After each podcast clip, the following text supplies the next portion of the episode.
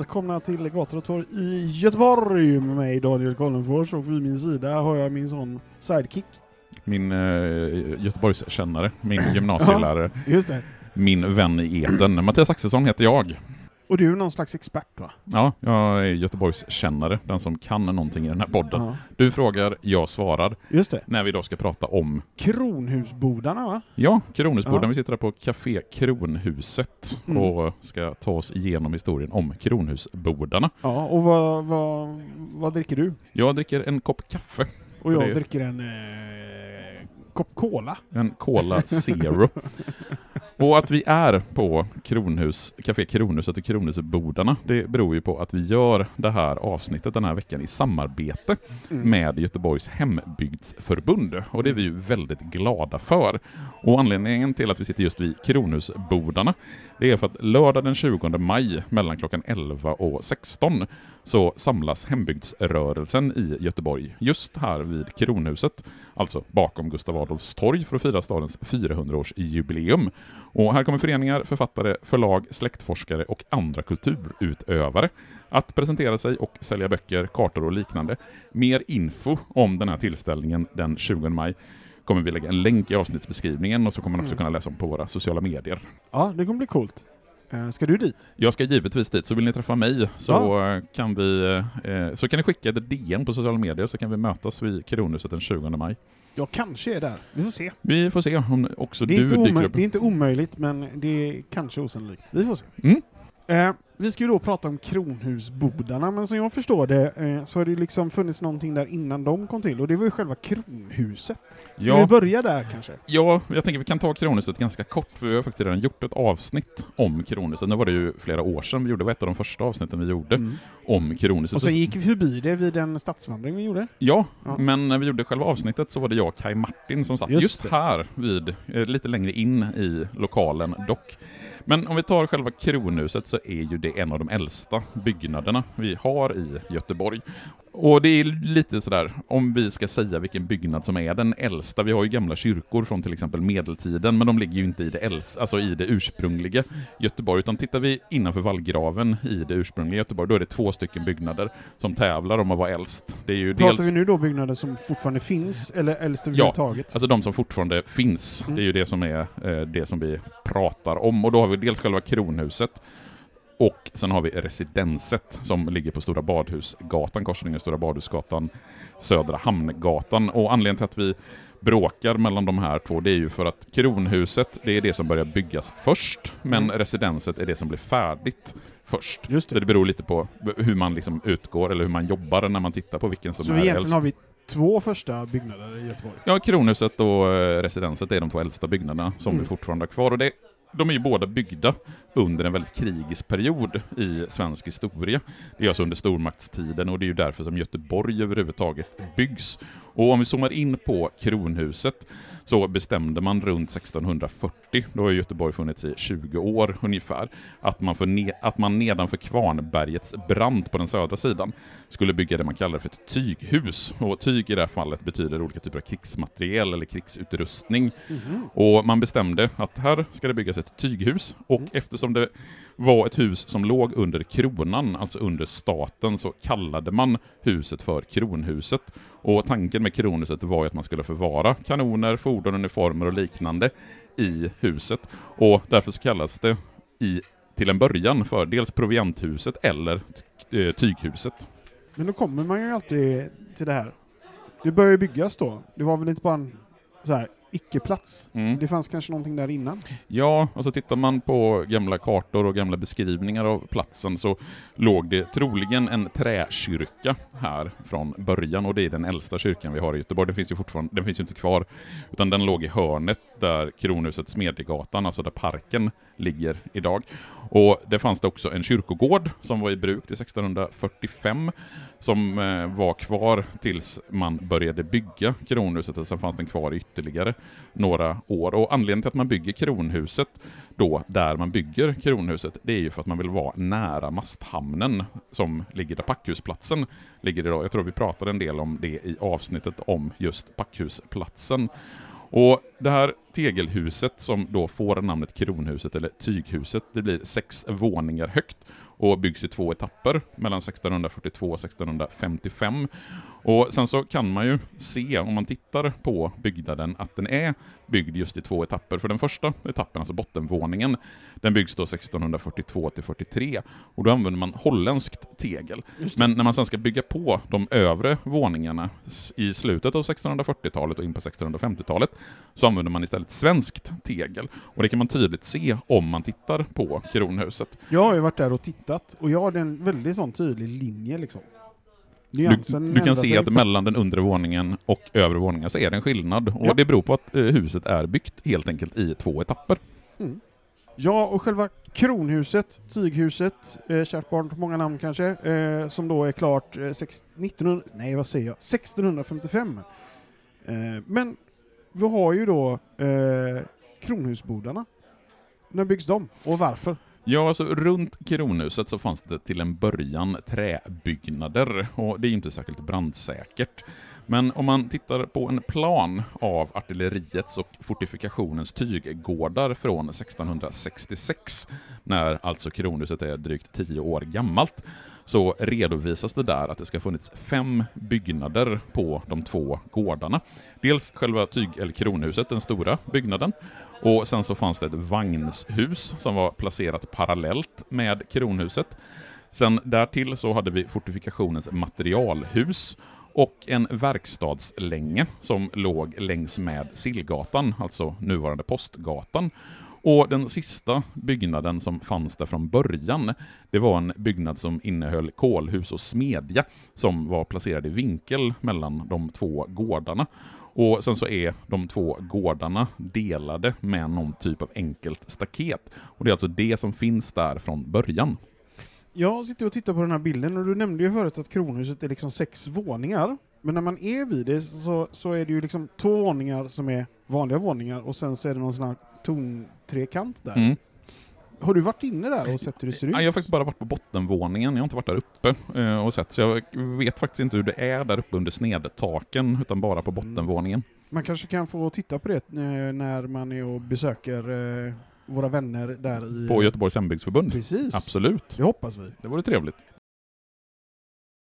Inget utav det som du just har beskrivit finns kvar eller? Nej, av de gamla träbyggnaderna som låg runt kronhuset så är ju allting borta. Och anledningen till att det inte finns någonting av den ursprungliga bebyggelsen förutom själva kronhuset kvar, det är ju att man byggde de här byggnaderna i trä. Och trä, det står ju väldigt dåligt emot när det börjar brinna. För genom Göteborgs historia under 1600-talet, under 1700-talet, sen även in på 1800-talet, så plågas ju Göteborg av o återkommande stadsbränder som är omfattande och som i någon mening ödelägger hela Är stadsdelar. det liksom lite som sån årlig influensa eller? Ja, men de återkommer ju nästan med, äh, de återkommer inte med regelbundenhet, men de är väldigt drabbande. Är det i- sex gånger tror jag Göteborg har brunnit, eller hur var det? Ja, det beror lite på hur man räknar, men stora stadsbränder tror jag är sex stycken innanför eh, vallgraven. Och 1727 så brinner hela tull och packhuset vid Norra Hamngatan ner. Men det som framförallt drabbar och påverkar byggnaderna runt Kronhuset, det är den jättebrand som drabbar Västra Nordstan 1746. För då brinner till exempel hela Kristine kyrka, alltså tyska kyrkan, ner till grunden och man kan bara rädda en predikstol och en Kristusbild. Och samtidigt som Kristine kyrka brinner ner så eldhärjas hela Stora torget, alltså nuvarande Gustav Adolfs torg. Artilleriets och fortifikationens byggnader brinner, kommendanthuset och börsen brinner. Sammanlagt så har man räknat till att 196 byggnader på 212 tomter brinner ner till grunden i den här stadsbranden. Och att alla träbyggnader runt kronhuset är borta gör ju att man då måste bygga nytt. Så i mitten av 1700-talet så börjar man bygga nytt runt kronhuset och nu bygger man då givetvis i sten istället för trä för att det står emot bränder bättre. Ja, men ska vi då börja med en liten eh, rundtur kring området och kanske börja i den östra delen då? Det ser ut som det finns två byggnader där. Ja, alltså längs med Nedre Kvarnbergsgatan i den östra delen av Kronhusområdet så ligger mycket, mycket riktigt två separata byggnader som numera är ihopbyggda. I de flesta källor som finns så anges slutet av 1750-talet, 1756-1759, som byggår. Men det finns en karta över kvarteret redan från 1753, där båda de här två byggnaderna, byggnaderna är utmärkta. Så de bör ha stått Utmärkt! färdiga. De bör ha stått färdiga redan i början av 1750-talet. Tyvärr så finns det inte kvar några originalritningar till de här byggnaderna, så vi kan inte med säkerhet veta. Men ursprungligen så var de här byggnadskropparna helt fristående från varandra. Den första, alltså den norra delen, den som ligger närmast själva kronhuset, där hade man en verkstadsbyggnad åt artilleriet och där fanns det hjulmakare och svarvare och en smed. Och ända fram till det tidiga 1900-talet så fanns det faktiskt ett sadelmakeri och en gevärsreparatör för Göta artilleriregemente i byggnaden. Och den andra byggnaden, den sydliga där vi sitter, där Café Kronhuset idag ligger, den byggnaden var grovsmedja för artilleriet och var det fortfarande in på förra seklets början. Sen så sammanfogar man den här smedjan med det huset som ligger längs med Postgatan 1866, så att man stänger in gården, Kronhusgården, från insyn från Postgatan. Och sen så rivs den här tillbyggnaden igen 1971, så det öppnas upp en passage, en port mot Postgatan in på Kronhusgården, och det är samtidigt som man fogar ihop de här två nyss nämnda byggnaderna. Eh, vi hoppar raskt framåt. Det hände något speciellt 1971. Ja, 1971 så återinviger man Kronhusbodarna efter att man under en lång tid har restaurerat och försökt att ja, men renovera byggnaderna. Och det är ju i samband med det här som man river porten till, eller den här muren mellan eh, husen ut mot Postgatan som gör att man kan passera in och det är också då man fogar ihop de här två byggnaderna. Problemet om man är väldigt historieintresserad och vill ha kvar den gamla bebyggelsen så är de byggnaderna som står där idag väldigt präglade av den restaurering som sker 1971. Och det finns i princip ingenting kvar av originalmaterialet på insidan. Samtliga fönster och dörrar är bytta och är från 1970-talet. Fönsterluckor, taktegel, de putsade fasaderna är från 1970-talet, liksom takfotslisten och ankarjärnen. Interiören präglas som till helhet av eh, 1970-talets renovering. Det som egentligen är det enda som är intakt i de här byggnaderna, det är planlösningen. Materialen däremot är moderna. Det finns ingenting kvar av inredningen från 1700-talet, utan det är tegelgolv och brädgolv och klinkers från 1970-talet eller senare som präglar de här två första byggnaderna i området som kallas för Kronhusbodarna. Och det är faktiskt också nu på 1970-talet som området, vad jag vet, börjar benämnas som Kronhusbodarna. Det finns inga belägg före 1970-talet att området faktiskt ska ha kallats för Kronhusbodarna, åtminstone inte i tidningsarkiven och tidningsdatabaserna. Men är det inte nästan att vi ska vara lite glada för att det inte revs ändå? Om vi tänker Ja, på om hur det hände i stan då? Ja, om man tittar på vad som hände med många byggnader runt omkring, om vi tar Östra Nordstan som av mest avskräckande exempel, så ska vi väl vara jätteglada att man ändå behåller planlösning och att det åtminstone... Man behöll något. Ja, liksom. men man, det ser ju ändå åtminstone ut så som Mm. det förmodligen lite grann såg ut tidigare. Även om man har bytt Mm. det mesta, så är det ändå en, det ger ju en, kanske en, en chimär av att vara gamla byggnader. För man vill ju liksom verkligen slänga ut allting gammalt under 70-talet. där. Ja, och väldigt mycket i stan innanför vallgraven rivs ju, så att eh, tack för att byggnaderna står kvar. Ja, som sagt, tack för att byggnaderna står kvar. Annars skulle ju inte hembygdsföreningen kunna ha sin träff där till exempel. Nej, precis. Så, ja, igen, det är vi väldigt tackar för. Eh, men sen, till vänster om porten från Postgatan ligger först ett envåningshus, sen ett tvåvåningshus. Jag tror enligt bilden, de är nog till och med i sten här. Men det var ju det man gjorde. Ja, det var ju för att de inte skulle brinna upp. Ja, och om man tar det, tråkigt. om man tar det första huset, eller egentligen det andra huset, då, det som är i två våningar, så byggs det under 1750-talet. Och då byggs det som vaktlokal och kontor, men även som bostad åt militären. Och troligen så planerade man en utvidgning mot öster som aldrig blev av, och därför så har byggnaden en väldigt tydligt asymmetrisk fasad, och hörnet mot öster är ojämnt avslutat. Och sen i slutet av 1900-talet. Då var övervåningen till det här tvåvåningshuset bostad och kontor för tygvaktaren med tygkontor, förmak, sängkammare, barnkammare och köksavdelning. Entrén till huset låg mot gatan och i anknytning till det så fanns det brygghus och en bagarstuga. Och sen i huset så fanns det även ett arrestantrum och vaktlokaler för officerare och underofficerare i bottenvåningen. Så fick lite mer vanligt folk hålla till. Och sen så i mitten på 1800-talet så bygger man i öster till det här envåningshuset. En länga som bland annat inrymde förråd, som sen på 1920-talet, innan Göteborgs stad tar över kontrollen över byggnaden, så har flera militärt anställda sin bostad i byggnaden. Sen så utför man en omfattande modernisering av byggnaden 1931 då man inreder kontor för Göteborgs stads arkitektbyrå, byggnadsbyrå och småstugebyrå i hela huset. Man har en, eh, ett väntrum, en kassa och ett bibliotek i bottenvåningen. Och på ovanvåningen så inreder man för kontor, bland annat åt stadsbyggnadsmästare, verkmästare och materialförvaltare.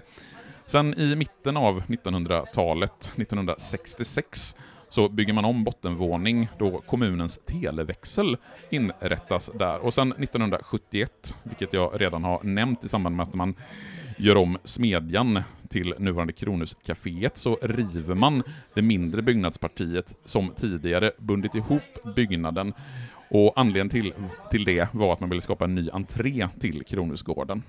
Därefter eh, kommer ett hus som ligger lite som i ett L med en del mot Postgatan och ett längs med Kronhusparken. Vad kan vi berätta om den byggnaden? Ja, alltså när det här huset byggs i slutet av 1740-talet så var det bara en rak länga längs med gränsen mellan de här två gårdarna. Artilleriets gård till vänster och fortifikationens gård till höger, eller väster och öster. Alltså det huset som idag avgränsar mot Kronhusparken. Och precis som många av de andra husen så var det kopplat till militären. Det var ett vagns och materialhus och man använde det också som spruthus och järnvåg. Och spruthus är inte så snuskigt som det låter. Utan Det har det vi pratat om förut för övrigt. Ja, det har vi säkert gjort. Vad är det för Alltså, något? Är inte det typ brandstation? Ja, det är brandstation där det sprutar vatten. Inget annat?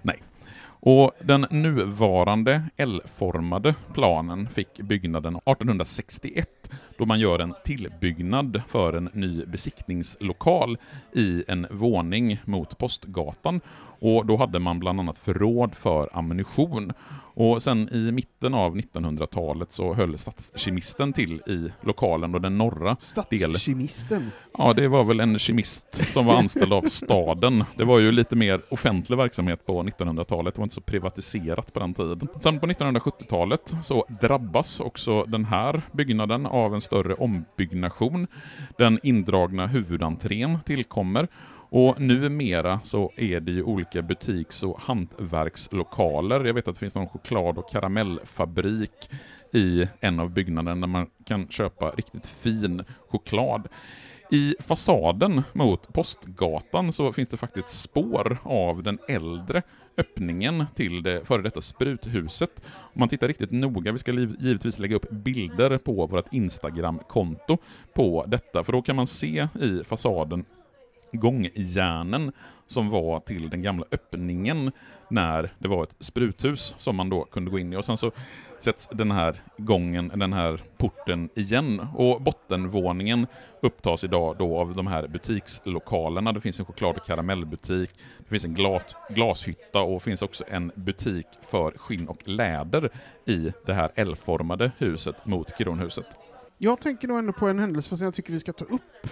Det har ju hänt en del ganska coola grejer, eller hur? coola och coola, men historiska grejer har ju hänt i... i, i Ja, det vad tänk, tänker du på något specifikt? jag tänker nog på den här kungen som kom och det var någon riksdag och hit och dit. Ja, det är väl kanske det som, åtminstone i svensk historieskrivning, som Kronhuset är mest känt för. För Kronhuset byggdes ju då som en lokal till staten. Det var kronans hus, det är därför det det. heter Kronhuset. Mm. Och 1660 så skulle det hållas en riksdag i Kronhuset i Göteborg i januari, Och den blev februari. väldigt dramatisk. Den blev oerhört dramatisk, för det här är ju just under den svenska stormaktstiden. 1660 så är Sverige i krig med Danmark, vi är i krig med Polen, vi är i krig med Ryssland. Mm. Så i princip är alla våra grannländer i krig med Sverige. Fem år För tid. då, fin- då är Finland svenskt Finland är också. fortfarande en del Yes. av Sverige, vi förlorade inte Finland förrän 1809 Just till Ryssland. Och den som är kung sedan fem år tillbaka, det är falsgreve Karl X Gustav, som har övertagit tronen när hans kusin Kristina abdikerar för att hon Mm. ska konvertera till katolicismen och åka ner till Rom och bli kompis med påven. Och det kunde man inte göra ostraffat om man Nej. var svensk drottning, utan då var man tvungen att avsäga sig tronen. Så Karl X Gustav, han är svensk kung och han krigar framförallt mot Danmark. För Sverige har ju slutit freden i Roskilde 1658 som en oerhört framgångsrik fred. Vi får ju bland annat Bohuslän och hela Hisingen blir svenskt 1658. Men det andra kriget mot Danmark efter freden i Roskilde är inte riktigt lika enkel, enkelt. Så 1660 så sammankallar man en riksdag för att kungen behöver mer pengar och mer manskap för att fortsätta kriga mot danskarna. Problemet för Sverige och problemet för Karl X Gustav, det är att han blir sjuk när han befinner sig på den här riksdagen i Göteborg. Har han Man- luktat på för mycket fisk i Göteborg? Eller? Framförallt så har han väl ätit alldeles för mycket mat. Dålig fisk. Han har ju en ganska ordentlig kagge och en ganska ordentlig dubbelhaka som det beskrivs. Så i februari 1660 så blir kungen sjuk. Och den 13 februari, när han befinner sig i just residenset, som är en av de här två byggnaderna som tävlar om vilket Mm. som är den äldsta byggnaden i Göteborg, då dör den svenska kungen Karl X Gustav hastigt och mindre lustigt. Och detta var väl någonting som hölls hemligt ganska länge? Ja, eftersom det inte fanns någon naturlig tronföljare, hans son Karl hyllas ju som kung Karl XI. Problemet är att Karl XI bara är fyra år gammal. Mm. Och är man fyra år gammal så kan man inte regera, utan då måste det tillsättas någon typ av förmyndarregering. Och en förmyndarregering är Problemet var att man inte var helt överens om vilka som skulle sitta i den här förmyndarregeringen. Enkedrottningen var ju jävligt sugen på att få inflytande. Kungens Mm. bror Adolf Fredrik var väldigt sugen på att få, in, få inflytande. Alla adelsmän var ju också de väldigt sugna på att få inflytande, så man bråkade några dagar tills man kom överens om det här ska vara den nya förmyndarregeringen. Och innan man hade beslutat om det, för att inte sprida panik över riket, så stängde man helt enkelt stadsportarna. Det fanns ju tre portar, Karlsporten, Kungsporten och Drottningporten. Och stänger man dem så håller man effektivt folk både ute och inne. Och eftersom det här är långt före både mobiltelefoner, fax och liknande så spred sig Va? inte... Fanns inte fax? Nej, och det fanns inte- gammalt. fanns ju inte TikTok och Twitter heller. What? Det hade varit spännande om man hade kunnat twittra från den här riksdagen. Det Men är inte kunnat- det brevduva? Ja, eh, brevduva... Det är väl Twitter? Ja, det är väl, det är väl den- den motsvarighet vi kan ha till Twitter. Men man stängde portarna för att nyheten inte skulle slippa ut. Och sen så är kungen kvar död i Göteborg tills begravningståget påbörjas i april 1660, då man transporterar honom till Stockholm, där han sedan begravs under hösten 1660. Så kan man då lite säga så här att till Göteborg kommer svenska kungar för att dö? Det är ju den enda kungen som har dött här, så att, eh, Ja. jag tycker inte vi kan göra det till någon generell regel. Nej, okej då. Ja, men det var ju väldigt dramatiskt. Ja, det är väl en av de mest dramatiska händelserna som vi har i Göteborg faktiskt kopplat till Sveriges historia. Ja, men vi är inte helt klara med området. Jag kände ändå att vi behövde nämna denna. Ja, absolut. Det är, händelsen. du märkte hur exalterad jag Ja, blev ja, ja, att prata om svenska ja. kungar Ja, från ja. 1600-talet. Det kanske är det du tycker är roligast i livet, eller? Troligtvis. Det är att dricka öl. Men, vad händer på området idag? Vad händer med Kronhusbodarna? Hur ser framtiden ut? Ska det rivas kanske? Nej, det tror jag inte kommer att hända. Vi har nog sett Kanske inte slutet på rivningarna, det rivs ju fortfarande en del hus, men de här gamla 1700-talsbyggnaderna, de är nog ganska säkra att vi kommer att få ha kvar bra länge till. Det ska mycket till för att de här ska rivas. Men om man tittar tillbaks 100 år, alltså 1923 när Göteborg firade sitt 300-årsjubileum, Fan vad konstigt det lät. Vi tittar tillbaks 100 år, 1900-talet. Vänta Ja. nu, jag är född då. Ja, Ja, det är länge, det är länge sedan. Det är konstigt att föreställa sig det. Men på, i början på 1900-talet, när Göteborg då är 300 år gammalt, då är Västra Nordstan, alltså den delen av stan där Kronhusbodarna och Kronhuset ligger, det är någon typ av mittpunkt av stan. Här finns restauranger, det finns hotell, det finns butiker, Göteborgs största dagstidning finns här, och vi har ju sedan några årtionden tillbaka då en väldigt livlig trafik längs med Post Sillgatan, för vilka är det som går längs med Post Sillgatan i slutet på 1800-talet? Det är emigranter om jag minns rätt, och Det- deras entourage.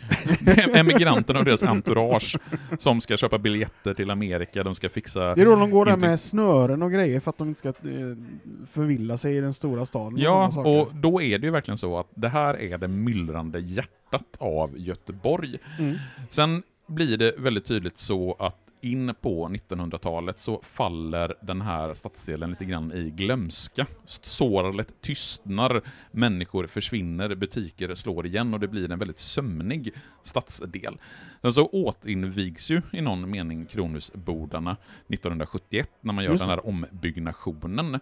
Och i de här låga gula stenbyggnaderna från 1700-talet så finns det ju idag verkstäder med olika typer av lokalt hantverk. Det finns det här kaféet där vi sitter, det finns friskvård, också våra vänner som är med och sponsrar det här Mm. avsnittet, nämligen Göteborgs hembygdsförbund. Jag har- älskar verkligen att du finns här i Göteborg. Detta är något man oftast förknippar du vet, med små bruksorter ute Mm. på landet, men det finns också i Göteborg. Och det är väl- och det- härligt. Och förutom att ni ska gå på det här jubileumsfirandet som hålls då lördagen den 20 maj mellan 11 och 16 då hembygdsrörelsen i Göteborg samlas här vid Kronhuset för att fira stadens 400-årsjubileum så vill jag också tipsa om att Göteborgs hembygdsförbund finns här och har sina lokaler här. De har ett fantastiskt fint arkiv Mm. till exempel som man Har kan du, har du fått pilla i det än? jag har fått pilla i det och det var Oh, fantastiskt. Ja, men det är så roligt, just gamla tidningar, gamla Mm. kartor, gamla brev, gamla böcker. Och det är inte bara på någon digital fil, utan det är Det här liksom är hands-on. Och det är, är så sådana vita handskar.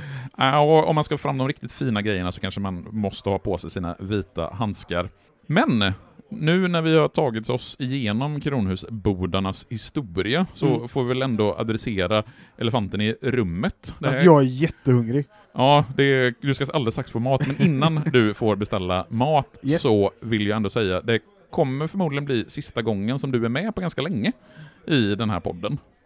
Det kan bli så. Jag har ju dock den här idén om att du ska ha med mig via länk på en laptop Det kommer, inte, det kommer inte hända Daniel, utan Mm. jag tror att vi får säga så att eh, det här är sista gången som din röst hörs på ett tag i Gott och torg Göteborg. Varför, varför är det så?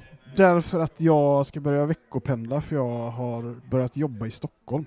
Så du kommer befinna dig ganska mycket i Stockholm, och när du Fem är här, dagar i veckan. och när du är här i Göteborg så har du nära och kära som du kanske ska umgås med snarare än att spela in podd. Ja, det, ja, ja precis. Mm. Eh, Så eh, det kommer kanske bli lite, eller så här, det kommer att bli lite mindre av Daniel Karlenfors i Mm. podden.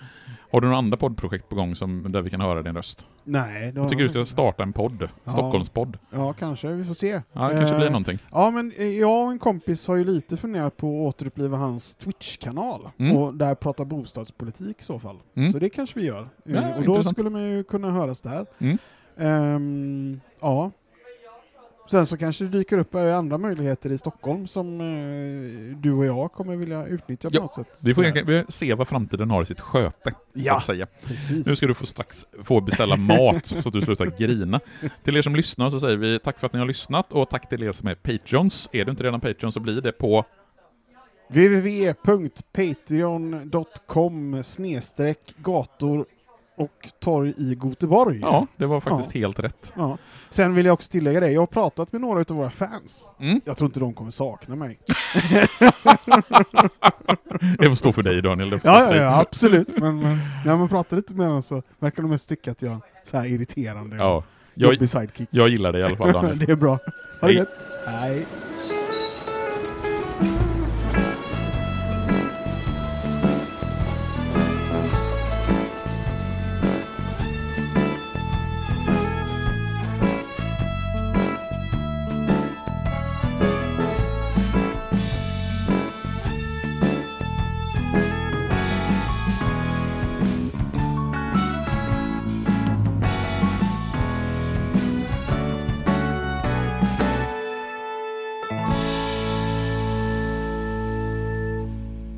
Gator och torg i Göteborg produceras av Reostat Media AB.